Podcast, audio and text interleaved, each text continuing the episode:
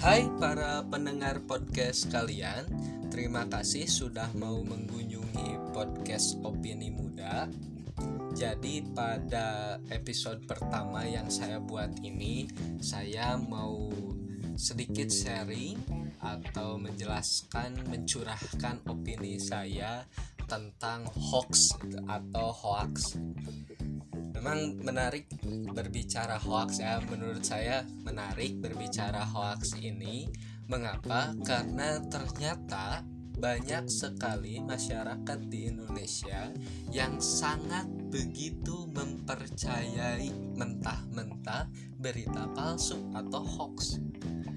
Apa sih sebabnya seseorang bisa mudah sangat mudah percaya dengan hoax? Pertama, itu karena mereka membaca judulnya saja. Gitu. Jadi judulnya menarik bagi dia ataupun ya tidak dibaca isi artikelnya seperti apa. Padahal salah satu tujuan dibuat judul adalah untuk marketing itu sendiri. Jadi cukup lucu juga sih kalau misalkan ada orang yang share berita hanya karena dia baca judulnya aja tanpa mem tanpa uh, apa namanya itu tanpa mengetahui tanpa membaca lebih lanjut isi dari berita itu sendiri gitu. Lalu yang kedua ternyata dia tidak ada keinginan untuk menelusuri lebih jauh tentang suatu berita jadi ketika dia dapat satu berita wah dia langsung percaya gitu.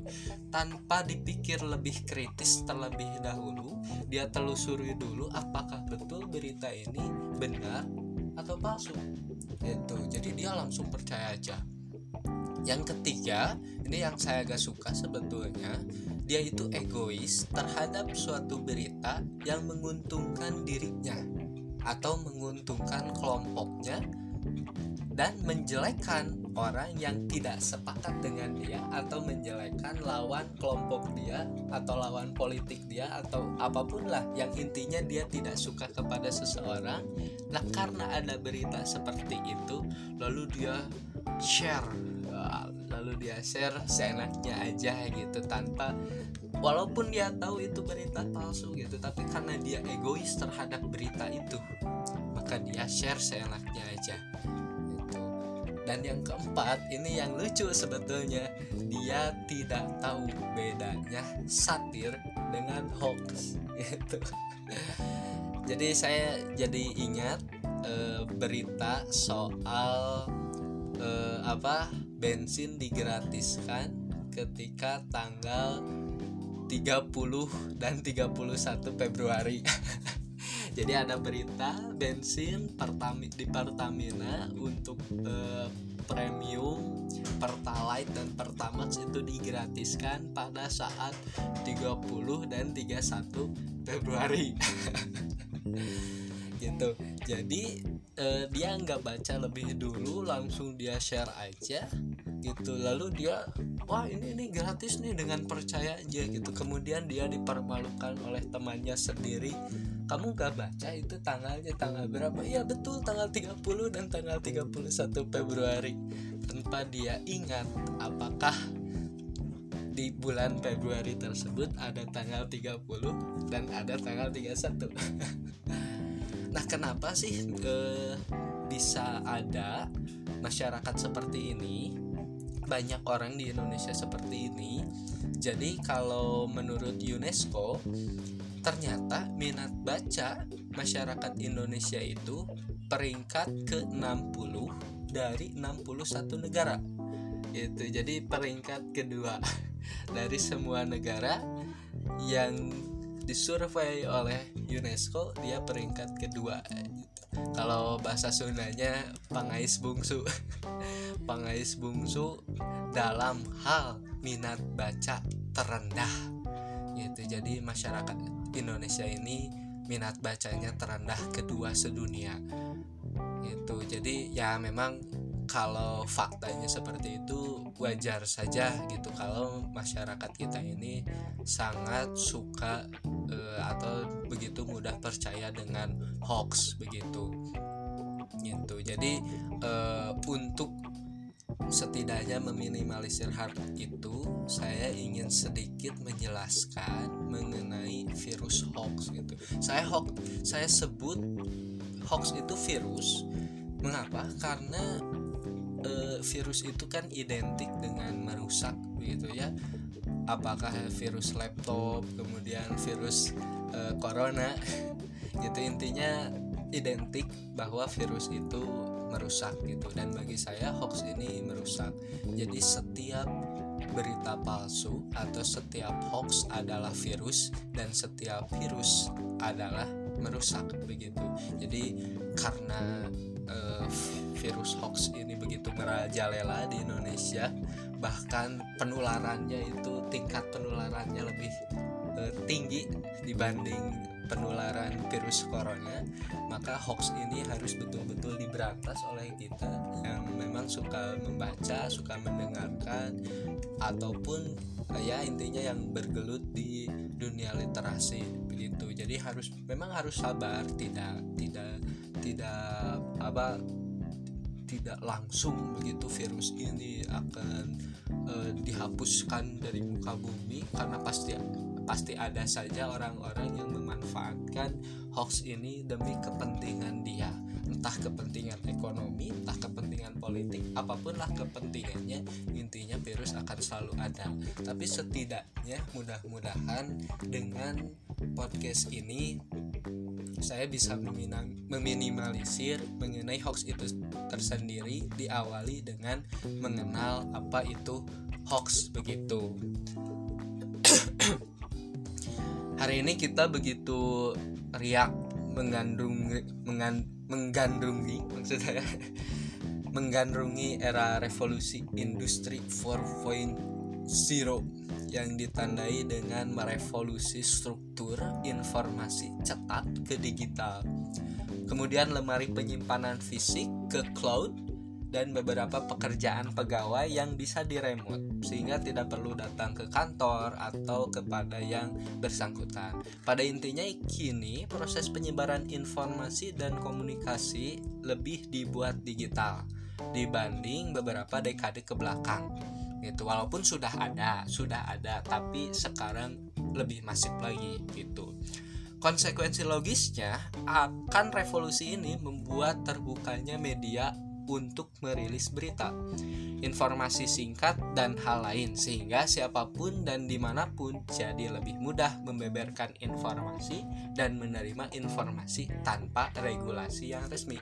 Gitu, jadi semua orang kan bisa bikin blog, semua orang bisa bikin website, bisa bikin podcast juga termasuk gitu. Nah karena hal itulah begitu, jadi semakin banyak juga peluang hoax untuk berkembang biak. Dampaknya, berita-berita bohong dapat lebih mudah menyebar dan lebih senang dibaca. Ternyata, parahnya lebih senang dibaca dibandingkan dengan berita resmi dari media resmi pemerintah maupun swasta. Itulah yang kita uh, apa itulah yang saya sebut hoax gitu. Jadi berita palsu yang mudah tersebar dan uh, banyaknya media-media yang uh, belum teruji kredibilitasnya gitu. Walaupun uh, apa banyak juga media-media non pemerintah independen yang sudah teruji uh, kredibilitasnya gitu. Jadi intinya hoax itu kan berita palsu gitu. Jadi menurut KBBI juga uh, hoax itu berita bohong atau berita yang tidak ada sumbernya Hoax adalah informasi yang sesungguhnya tidak benar tetapi dibuat seolah-olah benar adanya. Itu dibuat seolah-olah benar adanya. Jadi kalau kata Silverman, hoax itu sebagai rangkaian informasi yang memang sengaja disesatkan namun dijual sebagai kebenaran itu jadi memang orang tidak sadar apakah berita ini palsu atau tidak gitu. Jadi kalau misalkan uh, jadi hoax ini tidak akan bertebaran kalau misalkan orang-orang sudah tahu kalau ini berita palsu. Walaupun memang ada sebagian orang juga yang walaupun dia tahu ini berita palsu tetap dia sebarkan untuk mengelabui orang-orang uh, agar orang-orang ini masuk kepada masuk jebakan Batman kepentingan dia sendiri gitu Nah, kalau menurut Werme, hoax adalah berita palsu yang mengandung informasi yang sengaja menyesatkan orang dan memiliki agenda politik tertentu. Jadi memang pas ada pilkada, apalagi ada pilpres gitu, hoax makin uh, makin banyak bertebaran ternyata di dunia maya gitu. Bahkan uh, setelah ada pilpres terus muncul hari ini virus corona dan banyak juga hoax-hoax yang bertebaran tentang virus corona itu sendiri. Jadi hoax itu bukan sekedar misleading, itu bukan sekedar misleading, alias memang menyesatkan. Informasi dalam fake news juga tidak memiliki landasan faktual, namun disajikan seolah-olah sebagai serangkaian fakta. Gitu. Terus apa sih eh, dampaknya ada hoax ini? Yang pertama yang ingin saya tekankan kalau kita membaca berita hoax kemudian kita share berita hoax itu buang-buang waktu dan uang itu masih banyak informasi lain yang lebih bermanfaat dibanding membaca hoax gitu. Karena hoax itu tidak ada manfaatnya sama sekali. Buat apa kita tahu hoax gitu? Orang itu berita bohong gitu. Terus buang-buang uang ya iyalah gitu. Ketika kita baca berita hoax kan kita pakai kuota. Kita share berita tersebut kan pakai kuota. Kuota kita habis hanya untuk menggandrungi berita hoax yang kedua hoax ini mengalihkan isu. Gitu. Jadi isu yang e, bisa kita e, apa bisa sebetulnya harus fokus untuk membaca isu tersebut suatu masyarakat kemudian dia teralihkan isu ini karena ada berita palsu ini. Gitu. Jadi ada segelintir orang yang tidak mau isu tersebut diviralkan gitu atau didengarkan ya salah satunya dengan e, membuat berita palsu gitu. Yang ketiga tentunya hoax ini penipuan publik ini penipuan publik bukan penipuan personal saja tentunya sangat merugikan banyak pihak gitu. Dan yang kelima ini memunculkan kepanikan publik gitu sedangkan kalau publik sudah panik uh, gimana nih stabilitas media sosial stabilitas negara stabilitas uh, ya kita kita dengan teman-teman kita gitu. Kita jadi bermusuhan dengan teman kita hanya karena hoax gitu. Hoaxnya beritanya palsu tapi musuhannya jadi beneran gitu kan parah gitu. Jadi itulah dampak yang saya pikir e, muncul hoax itu yang pertama memang buang waktu dan buang uang pengalihan isu terhadap suatu isu yang bisa kita fokuskan di sana. Dia menipu publik sehingga memunculkan kerugian di banyak pihak dan yang terakhir menimbulkan kepanikan publik itu sendiri.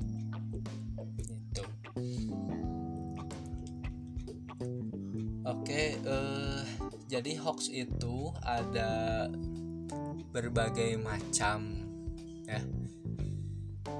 Berbagai macam hoax itu hoax itu ada berbagai macam yang dia itu bisa dari rendah ke tinggi gitu. Jadi ini saya uh, jadi ini sumbernya saya ngambil dari uh, Jabar Cyber Hoax dari JSH Jabar Saber Hoax itu jadi kalau kata JSH hoax itu ternyata dibagi-bagi dia diklasifikasikan dari rendah ke tinggi. Yang pertama yang paling rendah itu parodi atau satir. Nah yang yang saya jelaskan sebelumnya. Jadi memang berita ini memang untuk e, bercanda e, itu hanya untuk bercanda apa namanya ya intinya tidak ada niat untuk merugikan ataupun tidak ada niat uh, untuk membuat kepanikan publik gitu. Tapi tetap saja ada potensi untuk mengelabui gitu. Contohnya kan itu yang beli bensin gratis. Ada bensin gratis tanggal 30 Februari. Ya, ya itu memang beritanya pasti palsu gitu. Tapi kan itu sebetulnya tidak merugikan pihak mana pun karena memang dibuat agar kita tidak terlalu tegang itu agar kita tidak terlalu tegang. Jadi itu satir parodi yang tidak ada niat merugikan siapa pun tapi tetap berpotensi untuk mengelabui gitu. Lalu yang kedua ini saya bacakan dari yang paling rendah ke tinggi ya. Jadi yang paling rendah ke tinggi artinya yang saya e, baca terakhir itu yang tingkat hoaxnya paling tinggi. Gitu. Jadi yang kedua false connection. Gitu. Jadi false connection itu ketika judul gambar atau keterangan tidak mendukung konten. Gitu. Jadi judulnya apa gambarnya apa di mana beritanya seperti apa. Itu itu nggak ada hubungannya sama sekali. Gitu terus yang ketiga misleading content. Misleading content ini penggunaan informasi yang sesat untuk membingkai sebuah isu atau individu gitu. Jadi memang ini hoaxnya udah agak tinggi uh, yang peringkat ketiga aja udah cukup tinggi gitu ya misleading content. Penggunaan informasi yang sesat untuk membingkai sebuah isu atau individu gitu. Jadi memang ada kepentingan tertentu oleh orang-orang tertentu oknum-oknum tertentu yang dibuat gitu untuk merugikan pihak tertentu begitu. Itu namanya misleading content. Yang keempat false context. Ketika konten yang asli dipadankan dengan informasi yang salah gitu. Jadi kontennya kontennya memang asli gitu. Ada suatu berita yang memang asli itu gitu. Tapi kemudian dia dipadankan dengan informasi yang salah gitu. Jadi ini kan sangat mengelabui gitu. Hal yang betul terjadi tapi informasi yang disampaikan dari kejadian tersebut itu salah kelima imposter content ketika sebuah sumber asli ditiru. Jadi sumbernya memang asli tapi itu ditiru atau diterjemahkan dengan cara yang salah sehingga pembaca tidak mengetahui berita uh, sumber aslinya seperti apa. Itu nah ini yang ke berapa tadi? Uh, 3 4 5 6 ke 6 manipulated content. Itu jadi ini parah ini sudah tingkat yang cukup parah memanipulasi konten yaitu informasi dimanipulasi untuk merusak atau menipu gitu. Jadi memang informasinya dirusak atau bukan dirusak ya dimanipulasi untuk merusak suatu berita gitu. Dan yang terakhir yang paling parah dalam tingkat hoax itu fabricated content konten baru yang sengaja dibuat dan didesain untuk menipu atau merugikan. Jadi berita ini betul-betul palsu, tidak ada kebenaran darinya sedikit pun, dibuat dengan fiktif tapi dianggap sebagai berita yang nyata. Beritanya fiktif tapi nyata gitu, fabricated content. Jadi memang beritanya dibuat gitu, dibuat seolah-olah berita asli gitu. Tapi sebetulnya itu berita palsu 100% palsu. Ya namanya juga fiktif gitu berita fiktif. Tapi dipercaya aja banyak dipercaya gitu. Nah sebetulnya eh, kembali ke dampak hoax gitu. Jadi kalau menurut perhitungan pada situs cmsconnect.com Membaca kabar hoax ternyata dapat menimbulkan kerugian yang tidak sedikit bagi individu atau kantor tempat Anda bekerja. Hal ini terjadi berkat produktivitas yang menurun akibat efek mengejutkan dari kabar hoax gitu. Ya kan kalau kita dapat berita hoax, wah langsung rame nih, langsung kita bahas, langsung kita share, langsung kita diskusikan gitu. Ya jadi tidak produktif gitu ngapain kita ngebahas berita palsu gitu? Kita jadi uh, apa sibuk dengan berita palsu gitu. Sedangkan kita punya pekerjaan yang lebih penting dibanding dengan mengomentari berita palsu itu sendiri. Gitu. Nah, kalau menurut perhitungan cmsconnect.com ini bagi perusahaan kerugian yang biasa yang biasa dikeluarkan minimal mencapai 10 juta per tahun. Itu itu yang biasa itu ya.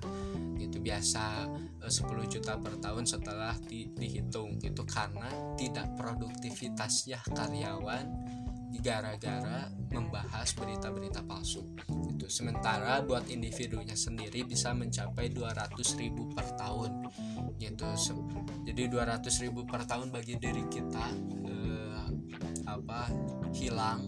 Itu tidak mendapatkan keuntungan itu gara-gara mendapat berita. Sibuk berbicara soal berita palsu. Memang kalau diukur 200 ribu per tahun ini sih sedikit gitu ya. Tidak ya tidak berapa persen gaji seseorang lah kalau sarjana kan biasanya dia punya gaji sekitar 2 sampai 4 juta gitu per bulan. Ya kalau 2 juta aja 200 ribu cuma 10 persennya gitu. Tapi ya intinya itu kan merugikan gitu.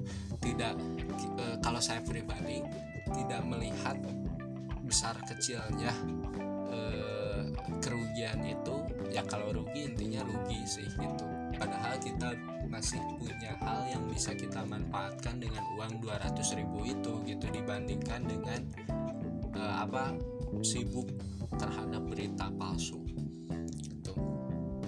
Nah semua itu bisa terjadi bila setiap pekerja menghabiskan waktu 10 detik per hari untuk membaca pesan-pesan hoax gitu jadi 200 ribu atau 10 juta per tahun bagi perusahaan itu kerugiannya kalau misalkan pekerjanya menghabiskan waktu 10 detik per hari. Itu 10 per detik per hari untuk membaca atau membahas pesan hoax gitu. Ya kalau kita ngebahas pesan hoax gak mungkin 10 detik kan? Artinya itu setiap tahun kita kerugian lebih besar dari 10 juta atau 200 ribu. Lebih besar pribadi kita hilang itu 200 ribu karena mempercayai bahkan sampai membahas dan memperdebatkan berita palsu. Itu. Kemudian di dunia maya khususnya bagi para penjahat cyber hoax dapat digunakan untuk memasukkan aksi ilegal mereka itu jadi penjahat cyber diketahui sering menyebarkan hoax soal adanya kerentanan sistem. Itu buat apa? Gitu. Nah tadi mengalihkan isu tadi. Gitu. Jadi dia memang sengaja menyebarkan berita palsu agar kita perhatiannya ke sana padahal dia sedang melakukan kejahatan yang lain itu nah di dalam pesan hoax tadi hacker bisa saja menyertakan tautan tertentu yang disarankan untuk diklik agar terhindar itu dari kerentanan sistem tadi gitu. Jadi ya kalau misalkan klik ini kalian akan mendapatkan keuntungan 100.000 per bulan jangan percaya. Eh 100 ribu per bulan ke apa terlalu dikit ya. 100 ribu per hari ya, jangan percayalah langsung itu abaikan aja. Langsung abaikan aja karena berita-berita seperti itu dipastikan itu berita hoax gitu. Kemudian dampak hoax tersendiri itu memunculkan kehebohan gitu. Jadi memang ada hoax yang dibuat untuk memunculkan kehebohan tersendiri. Itu saya masih kurang tahu gitu kenapa dia bikin heboh publik gitu ya buat apa gitu sendiri. Contohnya misalkan eh, hoax tentang pembukaan pendaftaran CPNS itu kan belum padahal belum ada pendaftaran CPNS gitu. Terus dia bikin beritanya seolah-olah asli dibikin seolah-olah asli terus publik heboh gitu. Buat apa gitu ya? Ngeprank masyarakat secara langsung semuanya gitu. Gitu. Kemudian yang eh, saya ingat juga dampak hoax ini eh, contohnya misalkan berita bencana alam atau kejadian pada suatu transportasi itu biasa itu dijadikan sebagai atau dijadikan bahan untuk menyebarkan kabar hoax Hal ini merupakan salah satu tujuan hoax yang paling banyak diminati oleh oknum pembuat kabar hoax. Untuk apa? Untuk mengalihkan isu publik. Gitu.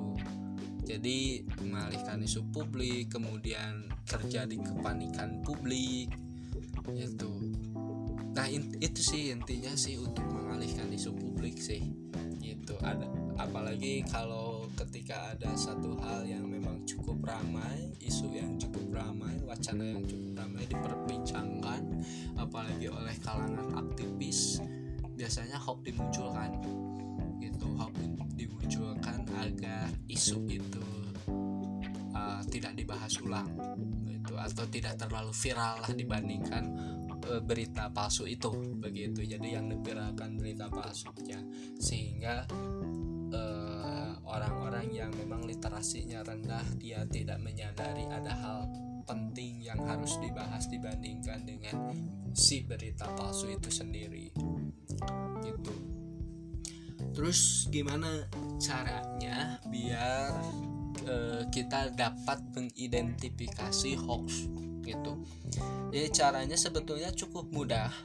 E, kalau kita mau tahu tentang hoax itu kayak gimana yang pertama hoax itu biasanya provokatif gitu. Hoax itu biasanya provokatif itu jadi kabar hoax itu kerap menggunakan judul yang sensasional dan provokatif. Isinya pun bisa diambil dari berita media resmi bahkan yang diubah-ubah agar menimbulkan persepsi sesuai yang dikehendaki dari pembuat kabar hoax jadi memang kalau misalkan kita lihat judul yang cukup provokatif buat diri kita sendiri ya hindarilah itu jangan langsung percaya berita tersebut gitu.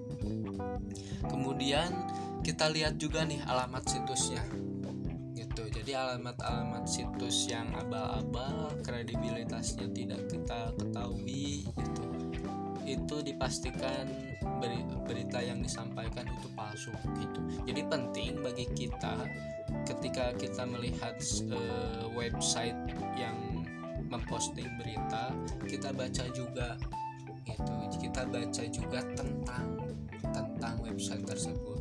Kalau di website kan biasanya ada uh, apa fitur bukan fitur, ada tombol, ada kolom ya, ada kolom tentang atau kolom about gitu. Nah itu dibaca gitu. Itu baca kalian baca itu yang bikin berita siapa redakturnya siapa siapa yang jadi wartawannya gitu siapa yang nulis beritanya itu baca gitu kenapa website tersebut bisa ada itu dibaca gitu. Kalau misalkan gak ada hal yang seperti itu eh, kalian hindari dulu gitu karena takutnya itu hoax gitu. Jadi itu penting ya dalam suatu situs berita ada tentang gitu. Itu tentang itu menjelaskan tentang eh, latar belakang kenapa situs berita tersebut dimunculkan atau e, berbicara soal siapa yang membuat situs berita tersebut ya itu intinya sangat penting gitu ya e, apa pengenalan soal situs berita itu gitu. Kemudian kita periksa itu cara mengidentifikasinya kita periksa gitu. Cara meriksanya gimana? Kita cek situs resmi gitu. Kita cek cek ulang situs resmi gitu. Dan yang paling mudah mengecek situs itu tinggal kita tulis saja beritanya. Gitu. Jadi judul beritanya kita tulis ulang contohnya di Google. Kita tulis ulang. Maka nanti akan muncul berita-berita yang berkaitan tentang itu, hal itu gitu. Dan biasanya yang akan muncul di halaman berita uh, halaman pertama di Google itu adalah uh, website resmi gitu. Website uh, resmi apakah dari apa CNN ataukah dari pikiran rakyat ataukah dari Republika ataukah dari Kompas gitu. Dan nanti biasanya yang paling pertama muncul di halaman pertama itu website berita resmi kayak gitu gitu. Dan di sana juga biasanya sudah dijelaskan gitu. Sudah dijelaskan apakah berita yang kita ketik yang kita cari itu hoax atau tidak gitu. Jadi mudah sebetulnya untuk memeriksa suatu berita palsu atau tidak gitu hanya membutuhkan waktu sepersekian detik. Hanya saja persoalannya kita mau atau enggak gitu untuk mengidentifikasi berita tersebut gitu. Jadi hati-hati dalam dunia digital ini jempol kita itu harus ditahan dulu sebelum di share gitu. Apalagi kebetulan saya bikin podcast ini di bulan Ramadan. Selain menahan uh, makan dan minum tahan juga jempol agar tidak mudah men-share berita-berita palsu. Gitu ya. Tuh terus kita cek keaslian fotonya. Kalau ngecek keaslian foto emang agak sulit sih ya bagi orang-orang yang uh, tidak terlalu tidak terlalu apa memperhatikan terhadap suatu keaslian foto gitu. Tapi bagi orang-orang yang sudah cukup jeli terhadap suatu foto itu biasanya kelihatan foto itu dimanipulasi diedit atau seperti apa itu biasanya kelihatan gitu.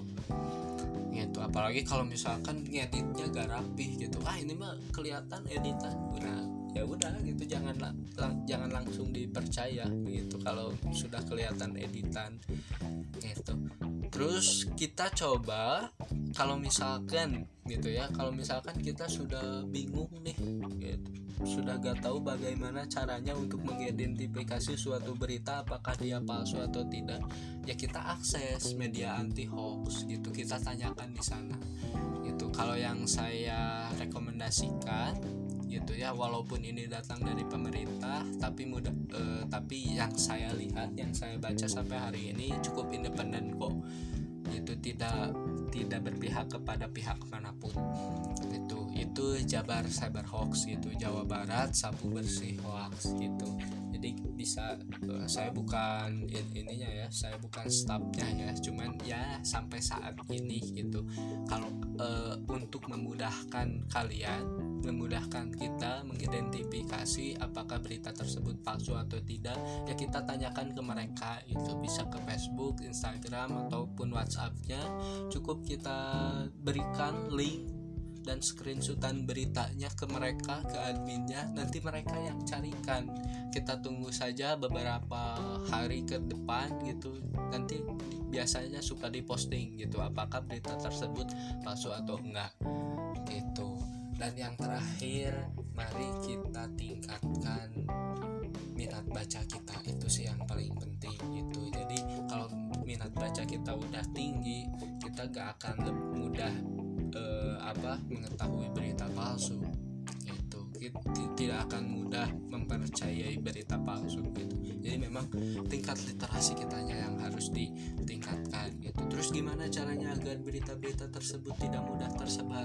Ya kita sama-sama mengajak orang-orang yang ada di dekat kita untuk meningkatkan minat baca gitu. Agar mereka yang ada di dekat kita teman-teman kita keluarga kita tidak mudah untuk men-share berita-berita palsu itu karena itu sekali lagi merugikan tidak produktif itu banyak hal yang bisa kita manfaatkan waktu ini di dunia ini selama masih selama kita masih hidup agar kita uh, tidak membahas berita-berita palsu itu tapi apa pun lah yang bisa bikin kita produktif itu selama kita hidup dibanding untuk membahas berita palsu apa pun.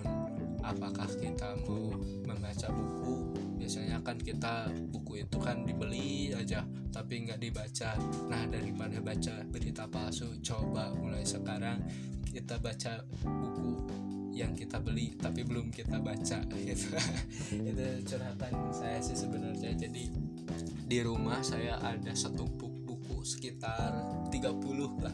Sekitar 30 buku yang sudah saya beli beberapa bulan ke belakang tapi belum uh, dibaca belum sempat saya baca semuanya gitu. Memang satu-satu dibaca uh, dibacanya gitu. Tapi alhamdulillah kalau saya sih gak uh, apa tersendat membaca buku bukan karena membaca berita palsu gitu. Tapi karena kebetulan baru bekerja gitu. Jadi uh, saya masih menyesuaikan diri menyesuaikan waktu seperti apa gitu. Nah itu mungkin yang bisa saya sharingkan terkait dengan hoax ini. Uh, mudah-mudahan ada manfaat buat semua pendengar sekalian uh, kalau misalkan ada kritik dan saran apa yang bisa kita bahas di podcast opini muda ini boleh kalian DM saja di Instagram saya Rifki Azhar Nugraha atau kalian kirim pesan aja ke Facebook saya Rifki Azhar Nugraha. Mau request apa nih yang harus dibahas oleh podcast opini muda gitu. Tapi akan saya filter juga ya. Akan saya filter uh, request apa sih yang memang saya ngerti di dalam hal itu atau saya juga punya interest minat ke sana ataupun memang ini isu publik yang cukup harus dibahas rame-rame gitu. Jadi nggak semuanya juga sih karena ya saya bukan Superman yang tahu segalanya itu itu saja untuk episode kali ini. Terima kasih sudah mendengarkan sampai penuh. Mohon maaf apabila ada kekurangan. Sekali lagi mudah-mudahan ada manfaatnya. Sampai jumpa di episode selanjutnya. thank you